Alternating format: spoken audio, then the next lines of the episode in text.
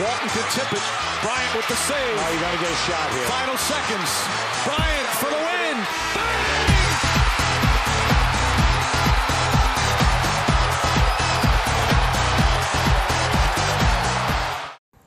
Eh, selamat siang, welcome back di Memphis Family Basketball Podcast. Masih dengan gue Rio di sub episode update harian NBA untuk tanggal 29 Desember 2020. Jadi kita bakal review beberapa game yang tadi siang baru saja main dimainkan. Sebelum kita review beberapa game untuk hari ini, gue mau eh, sharing beberapa berita dari NBA. Yang pertama itu cederanya Spencer Dinwiddie di pertandingan Nets melawan Hornets kemarin. Itu ternyata Dinwiddie terkena torn ACL di lutut kanan. Jadi diperkirakan Dinwiddie bakal ngelewatin season ini dan baru akan full recovery itu di next season. Yang kedua itu ada Isaiah Thomas eh, mencoba menggoda Celtic dengan nge-tweet kalau dia bakal bisa bantuin scoring Celtic dari bench. Ya semenjak kita tahu itu karena Kemba Walker masih cedera dan Marcus Smart menjadi point guard utama. Jadi di Celtic ini masih sangat kekurangan scoring dari bench ya. Karena cuman ada uh, Semi Ojole, Grant Williams dan siapa satu lagi itu point guardnya yang Edwards itu yang rookie tahun kemarin itu masih belum cukup untuk memberikan dampak yang bagus buat Celtic dari bench. Uh, yang ketiga ada Dennis Ruder yang katanya mau extend kontraknya kalau ada kesepakatan yang cocok antara dia dan Lakers. Jadi mungkin di sini kesepakatannya itu dalam tanda kutip soal nominal dan uh, bagus untuk kedua tim. Jadi dia juga mau Lakers itu nggak terlalu overpaid dia dan dia juga worth it dapat kontrak yang uh, menurut dia memang pantas untuk dia dapatkan. Yang keempat itu ada Jamoran yang terkena ankle injury pada tadi siang itu pertandingannya melawan Nets baru aja. Jadi Jamoran ini berniat mengeblok tembakan tapi malah mendarat di kaki salah satu pemain Nets. Jadi untuk cederanya Jamoran ini masih nunggu update-nya kira-kira harus absen seberapa lama atau seberapa parah cederanya. Semoga itu cederanya ini nggak yang cedera serius dan Jamoran bisa balik main lagi secepatnya. Gua rasa cukup untuk update beberapa berita dari NBA. Sekarang kita bakal langsung review untuk game yang pertama. Di game pertama itu ada Detroit Pistons melawan Atlanta Hawks, dimenangkan Atlanta Hawks 128-120. Di sini seperti biasa pemain Hawks itu Trey Young sangat bersinar dengan 29 poin, 6 dari 13 field goal dan 2 dari 6 3 point. Free throw-nya 15 kali masuk semua. Lalu juga ada Boyan Bogdan Bodanovic yang di trade dari Sacramento Kings awal season ini itu dapat 17 poin, 5 rebound, 5 assist, 6 dari 10 dan 5 dari 7 3 point. Untuk Piston ya ini tim juga agak ini ya uh, prediksi gue paling bisa di bawah paling atau paling bawah di East. Karena sekarang mereka udah 0-3 dan pemain-pemain mereka itu rata-rata masih uh, pemain yang kelasnya roll kecuali Black Griffin. Tapi Black Griffin juga masih sering cedera kambuh-kambuhan uh, menurut gue Piston ini nggak masih nggak bakal ke mana-mana untuk beberapa tahun ke depan kecuali beberapa pemain muda mereka seperti Kylian Hayes atau uh, Sylvie Mikhailuk, Seko Domboya itu bisa step up di permainan mereka.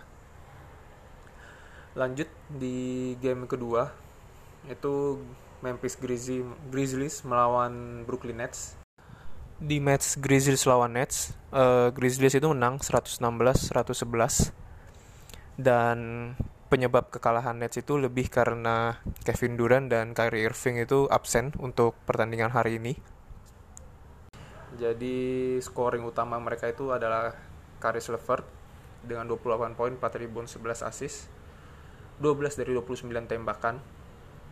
Lumayan bagus, tapi tetap kalah dengan Grizzlies yang bermain cukup apik setelah Jamoran cedera di quarter kedua. Ada Kyle Anderson 28 poin 7 rebound. Lalu juga ada Dylan Brooks 24 poin 7 rebound. Selanjutnya di game ketiga ada Houston Rocket melawan Denver Nuggets. Uh, dimenangkan oleh Denver Nuggets 124-111 di game ini James Harden kembali bermain dengan impresif 34 poin, 6 rebound, 8 assist, 10 dari 16 tembakan, 5 dari 9 3 point. Uh, dan juga ada Christian Wood 23 atau role playernya Houston Rocket ini kalah dan pemain seperti Nwaba, Stanley Brown atau JTT ini nggak bisa ngangkat Rockets untuk pertandingan hari ini. Di sisi lain, eh, Denver Nuggets, Nikola Jokic finish dengan 19 poin, 12 rebound, 18 assist, 8 dari 11 tembakan, hanya meleset 3. Lalu Jamal Murray itu 21 poin, 7 dari 14 tembakan, 4 dari 6 3 point. 3 point pemain supporting cast dari Denver Nuggets yang lainnya juga rata-rata itu mencetak double digit point. Gary Harris ada 14 poin, Paul Millsap 19 poin, Michael Porter Jr. 14 poin, Monte Morris 12 poin. Jadi uh, dari dari statistik statistik tadi terlihat jelas kenapa Denver Nuggets bisa menang untuk pertandingan kali ini. Y'all ready for this?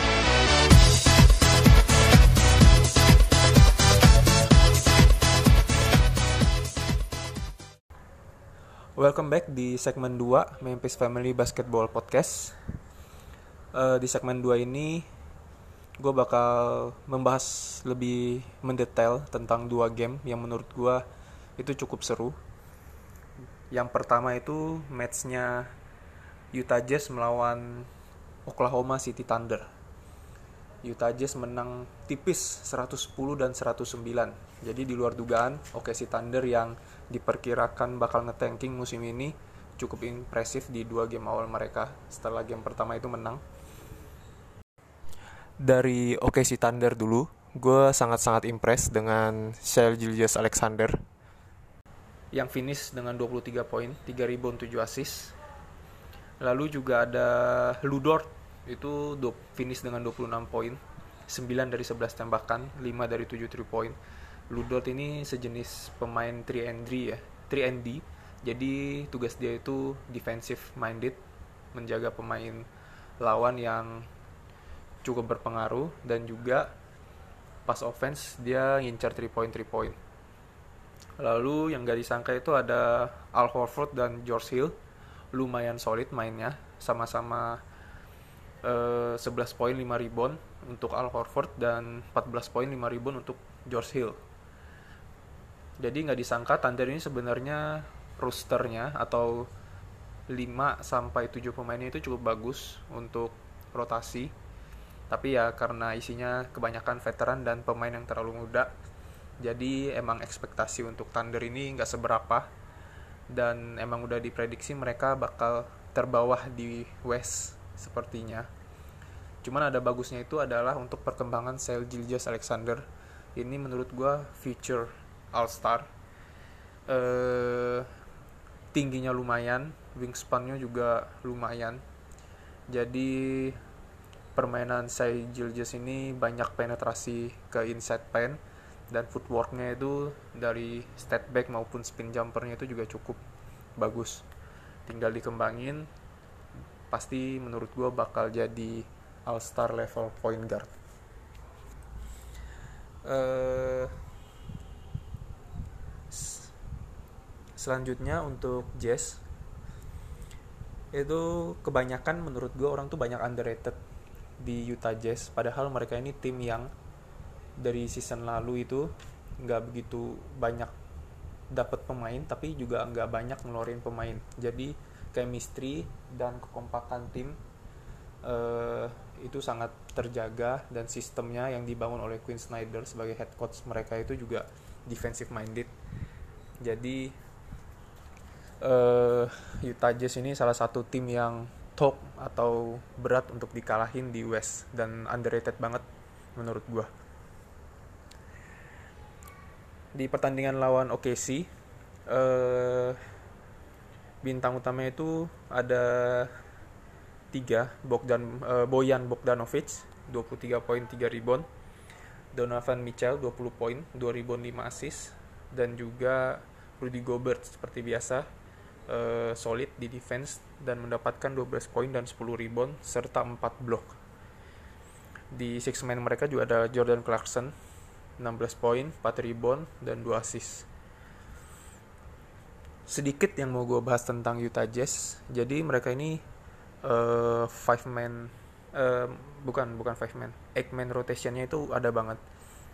Uh, starting five itu Donovan Mitchell, Mike Conley, uh, Royce O'Neal, Boyan Bogdanovic dan Rudy Gobert. Jadi mereka itu punya empat shooter yang mengelilingi Rudy Gobert karena mereka tahu Rudy Gobert ini versatile banget di defense. Perimeter defense-nya juga lumayan bagus untuk untuk ukuran big man.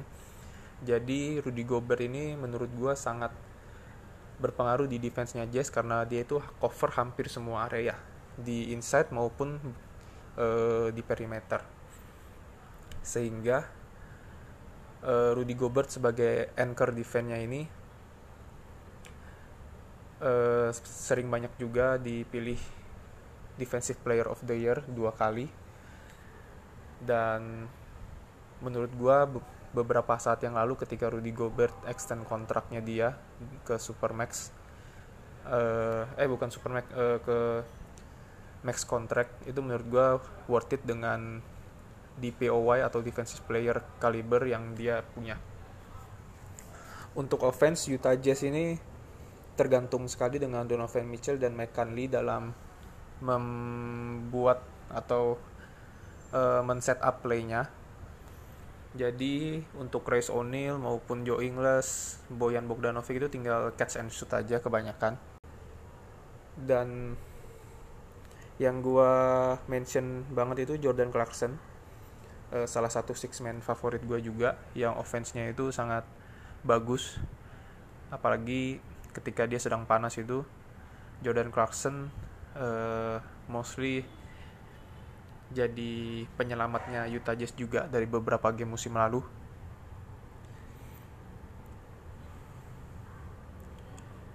Untuk rotasi pemain yang lain juga ada Joe Ingles dan Derek Favors. Itu cukup solid pemainnya. Cuman ya banyak day off-nya aja mereka berdua. Jadi peran role player itu udah cukup bagus untuk mereka berdua di Utah Jazz. Dan akhirnya game terakhir, uh, game kelima itu ada big match Los Angeles Lakers melawan Portland Trail Blazer. Uh, Los Angeles Lakers ini kalah 107-115 dari Portland. Di game ini tentu saja uh, yang mencuri perhatian itu Gary Trent Jr uh, pemain benchnya Portland itu finish 28 poin 10 dari 14 tembakan 7 dari 11 3 point dan juga Enes Kanter 12 poin 14 rebound. Jadi yang bikin Lakers kalah menurut gua itu uh, bench playernya Trailblazers terutama dua ini tadi itu cukup perform. Dan bench player Lakers uh, seperti Kyle Kuzma, Wesley Matthew, THT itu kurang jadi e, memang sampai dengan akhir quarter 4 itu skornya ketat. Cuman Lakers juga terhambat salah satunya itu di defensive matchup yang dibikin oleh Portland. Jadi kalau kalian nonton gamenya atau lihat highlightnya, uh, Portland itu nempatin Robert Covington untuk menjaga Anthony Davis serta Derrick Jones Jr. untuk menjaga LeBron James. Walaupun LeBron James tetap tidak terhentikan dengan 29 poin, 9006 assist. Dan Anthony Davis itu cukup struggling dijaga Robert Covington, cuma 13 poin. Walaupun efisiensinya masih cukup bagus, 6 dari 14 tembakan aja. Uh, tapi kalau kalian perhatikan matchnya, terutama di akhir-akhir quarter 4, itu Derrick Jones Jr. dan Robert Covington itu defense-nya annoying banget buat Anthony Davis dan Los Angeles Lakers jadi ini yang dari episode pertama gue tekanin uh, pemain wing yang cukup punya size seperti Robert Covington, Derrick Jones Jr. itu menurut gue cukup bisa buat nge-slow down duo Anthony Davis dan LeBron James. Da, emang mustahil menurut gue menghentikan keduanya. Cuman kalau mereka bisa nge-slow down dan biarkan pemain lain seperti Damian Lillard, CJ McCollum atau yang tadi Gary Trent Jr. itu bisa step up dan punya uh, tembakan yang bagus hari itu nggak menutup kemungkinan untuk mengalahkan Lakers terutama uh, senternya Trailblazers Yusuf Nurkic itu juga cukup berpengaruh di defense karena ketika Robert Covington atau Derrick Jones Jr. ini udah nge-slow down Yusuf Nurkic ini mengcover mereka atau nge-help defense ke area ke arahnya Anthony Davis dan LeBron James jadi uh, kalau kalian lihat di akhir-akhir quarter itu memang benar Anthony Davis dan LeBron James itu agak struggling uh, agak keganggu lah ibaratnya. Jadi nggak nyaman mereka dalam menembak maupun penetrasi ke inside. Dan gue juga shout out buat Damian Lillard yang di akhir quarter juga closing banget. Beberapa poin penting dia cetak. Uh, dan juga si CJ McCallum itu di detik ke 49 atau 50 di akhir quarter 4 itu dia dapat satu tembakan 3 point yang jadi dagger ibaratnya dagger buat ngepas, nge memastikan kemenangannya Portland Trail Blazer uh, so far ini game yang seru kalau kalian nonton. Dan untuk Lakers juga menjadi PR karena menurut gue kehilangan Dwight Howard itu di defense agak berpengaruh juga. Cuman dapatnya Montrezl Harrell itu bagus juga sih. Ya ibaratnya Lakers mengurangi defense-nya sedikit tapi offense-nya di, bertambah. Cuman yang gue takutin ya ini karena match up match upnya apalagi ketemu pemain lawan yang hot uh, yang lagi punya tembakan yang bagus atau lagi punya malam yang bagus itu bakal susah untuk Lakers tanpa seorang Dwight Howard atau mungkin Javel McGee sebelumnya karena menurut gue Montrezl Harrell dan Mark Gasol itu masih kurang di defense inside-nya. Oke okay, uh, eh, thank you buat episode hari ini. Uh, eh, gue mungkin bakal bikin lagi untuk besoknya pertandingan-pertandingan review maupun berita yang bakal gue update juga so see you tomorrow and thank you for listening